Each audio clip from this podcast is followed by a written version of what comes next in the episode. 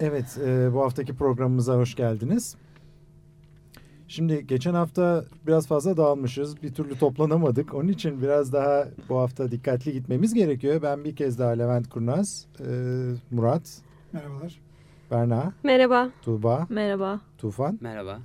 Yani geçen haftaki kadroyla tekrar buradayız. Şimdi geçen hafta e, sera etkisi nedir, sera nedir bunu konuşuyorduk. Sonra dinleyen arkadaşlardan gayet e, ciddi yorumlar geldi. Yahu kızılötesi dediniz de bir türlü kızılötesine geri dönemediniz ne çok mutlu ağlıyorsunuz diye. Onun için biz biraz daha kızılötesiyle, sera etkisiyle konuya başlayalım. Şimdi sera dediğimiz şeyden ısının çıkması gerekiyor. Biz fizikçiler olarak çok rahat bir şekilde ısıyı kızılötesi olarak kullanıyoruz ama belki dinleyenler açısından biraz daha üstünde düşünülmesi gereken bir konu. Bizim ısı dediğimiz şey ve kızılötesi dediğimiz şey temelde aynı şey. Hatta şu elektrikli ısıtıcılar olan şu son dönemlerde bayağı popüler oldu. Elektrikli ısıtıcılar böyle tu- turuncu bir e, renk verip de ortamı ısıtan, ışıkla ısıtan aslında çoğunlukla onlar kızılötesinde ışık veriyorlar. E, görünür dalga boyunda yani turuncuya göre kırmızı olan kısmı da çok hafif bir ışık veriyor. Ortamı Şimdi- ısıtıyor.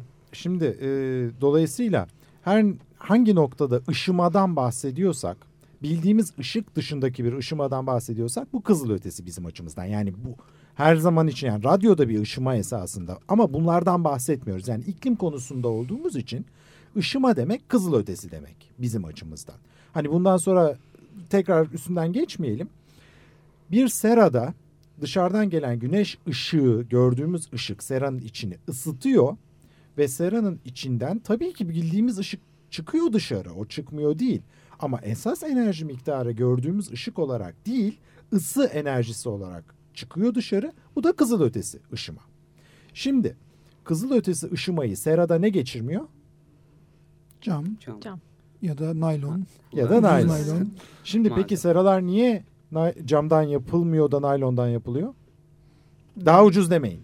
Onu demiyoruz zaten. Dolu yağarsa kırılır cam. Evet dolu Anladım. kırılır ama bir de tabii mahallenin çocukları kavramı var. O tehlikeli olduğu için hani cam kullanmamak şu an için daha avantajlı. Esasında cam daha ucuza mal oluyor. Ama dayanıklılık sorunu var. Bu sebepten seralarda plastik kullanıyor. Peki o plastik ne kadar dayanıyor? Bilmiyorum açıkçası. Yaklaşık Ne 3 kadar sene kadar. Güneş ışığında bıraktığınız zaman plastiği Eriyor. Eriyor. Eriyor. Temelde. Onun için yani onda bayağı katkı maddesi kullanmak gerekiyor daha fazla dayanması için plastiğin güneş ışığında. Neyse Evet. bir kez daha konuya dönelim. Tekrar Şimdi- iklime. Aynı şeyi benzer şekilde iklimle anlatmaya kalktığımız zaman atmosferde bir takım gazlar var. Sera için plastik ya da cam ne etki yapıyorsa atmosferdeki bu gazlar da aynı etkiyi yapıyor. Bunlara da sera gazları diyoruz. Bunlara da sera gazları diyoruz. Bunların başında en önemlisi hangisi? Su buharı. su Su buharı. buharı. Su buharı. Şimdi dolayısıyla biz hep alışkanlık olarak yani normal halk olarak Hep baktığımızda karbondioksit. aslında. Şimdi karbondioksit tabii ki en önemli sera gazı iklim bağlamında ama sera gazlarının en önemlisi su buharı. Su buharını suçlamıyor olmamızın temel sebebi İçinde bulutlar ve yağmur gibi başka şeyler. atmosferdeki su buharı miktarını Doğrudan değiştirme yeteneğimiz yok. Yani ne kadar su buharı varsa o kadar su buharı var. Yapacağımız hiçbir şey yok ona. Su buharını atmosferde değiştirebilecek tek şey atmosferin sıcaklığı. Atmosferin sıcaklığı artarsa atmosferdeki su buharı miktarı artıyor. Bunu çok rahat biliyoruz. Tropiklerde, ekvator çevresinde çok fazla yağmur yağmasının temel sebebi atmosfer daha sıcak olduğu için daha fazla su buharı tutuyor ve daha fazla yağış görülebiliyor. Güneş denizi kaynatıyor, buharlaştırıyor. O anlamda o. Buna karşılık mesela iyice kuzeye gittiğimizde Kuzey Buz Denizi'nde ya da Antarktika'da çok çok çok az yağış var. Ekvator çevresiyle kıyaslandığında. Antarktika soğuk bir çöl aslında. Evet. Yani hava ne kadar sıcak olursa o kadar çok fazla su buharı tutabiliyor. Ne kadar soğuk olacak olursa o kadar az su buharı tutuyor. Şimdi su buharına geçtik. Ha bir de şu var. Ee, bu su buharı ya da karbondioksit hiç olmayacak olsa atmosferde ne olurduk? Dünyada çok- yaşam olmaz. Dünya çok daha soğuk Yani olurdu. sera gazı olmasaydı, sera gazları olmasaydı bundan eksi 32 derece daha soğuk. Evet. Ama burada tabii şunu da altın... Dur dur dur karıştırma. eksi 32 derece dediğim bundan Evet. eksi 32 derece. Ve bir Yani de yaklaşık eksi 10, 5 derece 15, 16 dereceye Bir de düşüyor. çizilmesi gereken şu var. Burada hani bulutluluğu da şu anki aynı seviyede düşünüyoruz burada. Hı hı. Hani bulutluluk var yani şu seviyede ama. Eğer o olmasaydı bu sefer eksi 21 derece daha soğuk olacaktı. Şimdi dolayısıyla sırf güneşten gelen ışık dünyayı ne kadar ısıtır sorusunun cevabına baktığımız zaman dünyanın ortalama sıcaklığı eksi 15, eksi 18 derecelerde oluyor. Şu andaki 15-16 derecelik ortalama dünyanın sıcaklığına bakacak olursak bunun tek sebebi ve temel sebebi atmosferdeki sera gazları. Dolayısıyla sera gazları düşman değil. Ama sera gazlarındaki artış bizim için düşman. Peki bunu dünkü konuyla bağdaştırsak da şöyle tam otursa. Çok, Ne gibi? Yani şöyle demek istedim. Ee, şimdi biz gelen güneş ışınımının e, sonuçta dünyayı ısıttığını biliyoruz ve e, yeryüzünden çıkan bu termal ışınım da bir şekilde e, atmosferdeki gazlar tarafından tutulduğu için aslında bu e, sera gazı olayı var. Yani biraz önce söyledik ya Evet. eğer bu gazlar olmasaydı soğuk olurdu diye. Şimdi aynı seradaki cam ne işlev görüyorsa atmosferdeki karbondioksit, su buharı gibi gazlar da aynı işlevi görüyor. Yani güneş ışığı dünyayı ısıtıyor. Dışarı çıkmak istediğinde bunun ancak bir kısmı sera gazlarından geçip dışarı çıkabiliyor. Geri kalan tekrar dünyaya yansıyor Ve dünyayı ve dünyayı ısıtıyor. daha fazla ısıtıyor. Yani şey örneğimize e, yazın camları kapalı arabanın e, nasıl içi ısınıyor, ısındığı örneğini vermiştik geçen hafta. E, bu sefer sanki arabanın camları kalınlaşıyormuş gibi veya bir sonraki bir arabaya bir kat daha cam eklemiş gibi oluyor. Evet yani bu çok tehlikeli bir şey sera gazlarının miktarındaki artış. Burada karbondioksit üzerinden nasıl o zaman değerlendireceğiz olayı? Şimdi sera gazları esasında bizim açımızdan 3'e ayrılıyor. Ya da ben 2 3 dediğimde çok daha fazla sayı olabilir ama temelde bir e, su buharı var. Su buharını çıkarttık çünkü su buharına yapabileceğimiz hiçbir şey yok. Ondan sonra gelen ana grup karbondioksit. Ama karbondioksit neredeyse doymaya yakın miktarda atmosferde. Yani bundan kastımız şu. Karbondioksit miktarını biraz arttırırsak hava sıcaklığı evet biraz artıyor. Ama 10 katına çıkarttığımızda karbondioksit miktarını hava sıcaklığı 10 kat artmayacak. Daha az katlarda artışı var bunun. Çünkü karbondioksitte doymaya yakın bir noktadayız. Bu sıcaklık artmıyor demek değil karbondioksit miktarı ama bazı gazlar var ki bunlar karbondioksitten de tehlikeli. Metan, Metan gibi. Metan. mesela. meşhur.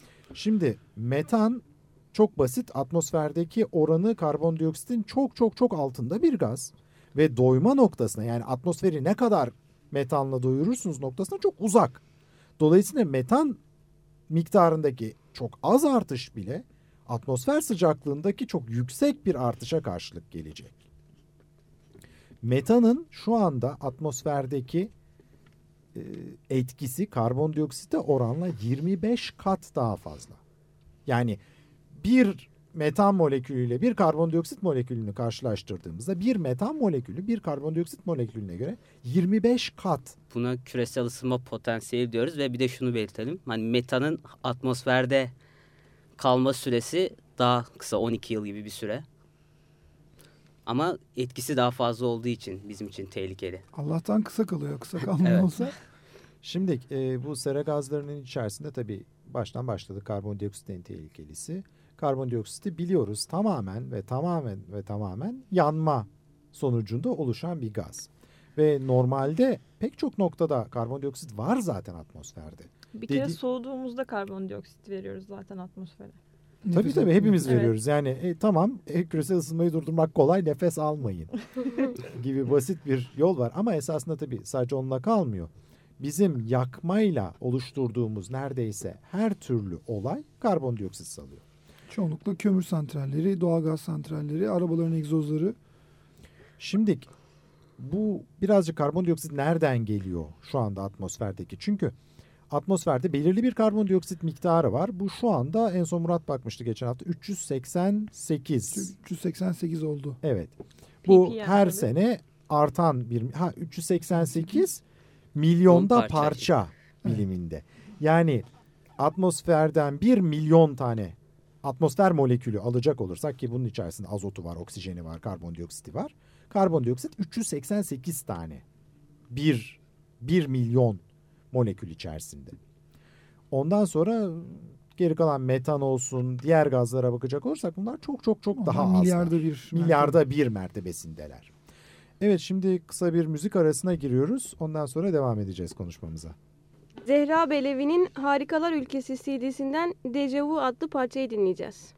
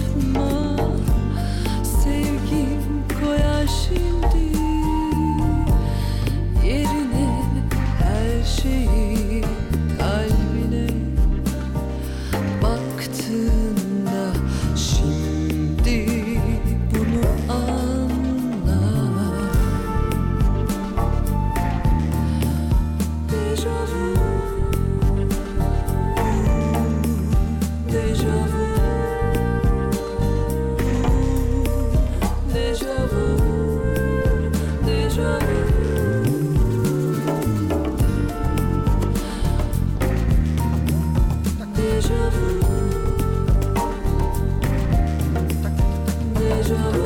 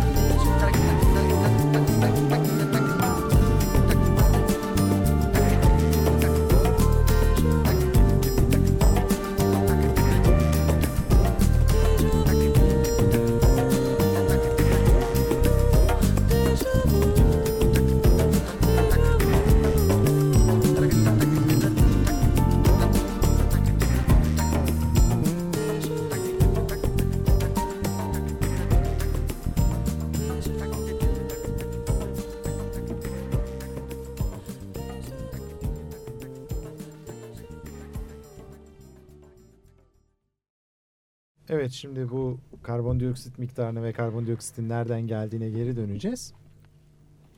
Temelde dünyada karbondioksit pek çok kaynaktan ortaya çıkabilir. Bunların en başında ve en önemlisi neredeyse yanardağlardan çıkan karbondioksit var. Yani dünyanın kendisinin ürettiği bir karbondioksit miktarı var. Dünyada hiç orman olmasaydı, orman yangınları olmasaydı bile çok Tabii bu, eskilerde. bu olacaktı. Şimdi doğal olarak yani biz bu işin içine hiç karışmadığımız zamanlarda bile bu karbondioksit miktarının şu anda olduğunun çok katı olduğu zamanlar yaşandı dünyada. Bin küsürdü galiba hocam. Bin, binin çok çok üstüne çıktı. 1400, 1500, 2000'leri gördüğü zamanlar oldu Hangi dönem?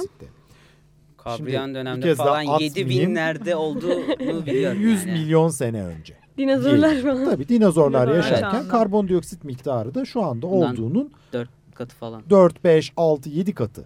Yani aslında Atmosferde. iklimlerin değişmesi, iklimin değişmesi dünyanın doğal sürecine bakarsak belirli sebeplerden dolayı e, olabilecek bir şey. Yani bu dünyanın dönmesi, güneşe olan uzaklığı, Tabii ki, ekseni. tabii ki. Tabii ki. Yalnız buradaki temel nokta şu. Yani bundan 100 milyon sene önce dünyanın sıcaklığı bundan 15 derece daha yüksekti. Karbondioksit miktarı 6 kat daha fazlaydı. Bunlar o zaman hayata bir zarar vermedi. Hayat tam tersine mükemmel yaşıyordu. İnanılmaz bir çeşitlilik vardı. Bu çeşitlilikte bir artış vardı. Ama ondan sonra belirli sebeplerden dolayı bu karbondioksit miktarı azaldı. Bu karbondioksit miktarı azaldı demek bu hayvanlar öldüler. Ölünce toprağın altına gömüldüler. Ondan sonra bunlar kilometrelerce belki metrelerce toprağın altında kalıp kömürü oluşturdular, doğalgazı oluşturdular, petrolü oluşturdular ve karbondioksit miktarı altıda birine düştü ve şu anda bizim yaşadığımız atmosfere geldik. Bağladılar. Yani karbondioksiti atmosferdeki, kar, havadaki karbondioksiti alıp suyun e, ve Toprağın, toprağın altına altına, gömdüler. gömdüler. Evet. Yani gömdüler değil, gömüldü. Gömüldüler. Kimse alıp eline gömdüğü yoktu ama neyse. Şimdi buradaki temel nokta şu. Bu olayların olması milyonlarca sene süren olgular. Yani karbondioksitin bugünkünün altı katına çıkması da milyon sene mertebesinde oluyor. Hani Altıda işte. birine düşmesi de milyon sene mertebesinde Hatta 10 oluyor. milyonlarca sene belki de. Şimdi biz ne yapıyoruz? Biz bu 100 milyon sene önce toprağın altında 100 milyonu da yaklaşık bir rakam olarak söylüyorum. Hani jeolog değilim. Sadece o zamanlardan diyelim. Toprağın altına gömülmüş olan karbon ya da karbondioksiti çok uzun sürelerde gömülmüş olan karbondioksiti biz 150-200 sene içerisinde bulup hepsini çıkartıp birden atmosfere yayıyoruz. Temel sorunumuz bu. Yani atmosferin ya da dünyanın ya da ekosistemin kendi başına milyon seneler mertebesinde temizlediği karbondioksiti biz yakalayıp hemen 100 sene 200 sene de Yavaş giden bir araba vardı. Biz bunu hızlandırdık bayağı. korkunç bir. hızlandırdık. Şu andaki temel sebebi sorunumuz bu. Bunun da yarattığı şey şu. Eğer milyonlarca sene mertebesinde bir değişiklik oluyorsa ekosistemde hepimizin ve doğanın buna ayak uydurması çok zor değil. Ancak normalde milyon sene mertebesinde olması gereken bir şeyi biz alıp 100 sene 200 sene mertebesine sıkıştıracak olursak e, o zaman sorun patlıyor. Doğa Şu buna anda ayak bu. uyduramıyor yani. Doğa kesinlikle ayak uyduruyor. Biz de belki ayak uyduramayacağız. İnşallah görmeyiz. Ayak uyduramadığımızı. Şimdi dolayısıyla temel bu işteki sorunlu karbondioksit. Ve karbondioksiti şu anda yaptığımız çok bariz bir şey. Bundan 100 milyon sene önce toprağın altına gömülmüş olan onları e, kömür, doğalgaz, petrol gibi nesneleri bulup çıkartıp çok korkunç iyi bir şey yapıyormuş gibi harcayıp ondan sonra tekrar atmosfere salıyoruz biz. Bu bizim başımıza çok büyük bir belaya sokacak. Bunun Yani temel- insan kaynaklı diyebiliriz sonuçta. Şimdi e, bu bunda tabii esasında tam bizim konuştuğumuz şey değil ama IPCC'nin en son 2007 raporunda IPCC'yi de açarsak bu, bu, bu uluslararası kanalda Hükümet- pek açmasak Hı. hani bu, bu dinleyicilerin artık herkesin e, IPCC, IPCC bildiğini düşünerek devam ediyorum. IPCC temelde Dünya Meteoroloji Örgütü ile Dünya e, Birleşmiş Milletler'in Milletler. Çevre Çevre Örgütü'nün Örgütü. bir arada kurdukları bir organizasyon. Dünyadaki bu konuyla ilgilenen neredeyse tüm bilim adamlarını, devlet Adam- görevlilerini, sivil toplum kuruluşlarını barındıran bir örgüt. Ya da örgüt demeyelim, organizasyon. Şimdi IPCC'nin en son raporunda bunlar 6-7 senede bir rapor çıkartıyorlar. Dünyanın gidişi, iklim konusundaki gidişi hakkında. En son raporlarında diyorlar ki iklim değişikliği %90 ihtimalle insan kaynaklıdır. %10 gene bir şüphe miktarı var ama hani bu sizin bizim şüphemizden biraz farklı bir konu. Burada alınan bütün kararlar fikir birliğiyle alınıyor. Yani o 3-5 bin kişilik grubun içerisindekilerin hiçbiri bu iklim değişikliği kesinlikle insan kaynaklı değildir demiyor. En insan kaynaklı değil ya da olmayabilir diyen bile bunun insan kaynaklı %90 ihtimalle insan kaynaklı olduğunu kabul ediyor. Yani bazıları demek ki yüzde yüz insan kaynaklı diyor. E tabii ki yani şu anda ben baktığım zaman bu yüzde yüz insan kaynaklı. Ama bazı bilim adamları var ki ya yüzde doksanın üstünde olmayabilir şu sebepten bu Belki sebepten güneş diyorlar. ısınıyordur. Ee, güneşin onu da konuşacağız Yani ileriki güneş zamanlarda. Güneş, güneş değil bu.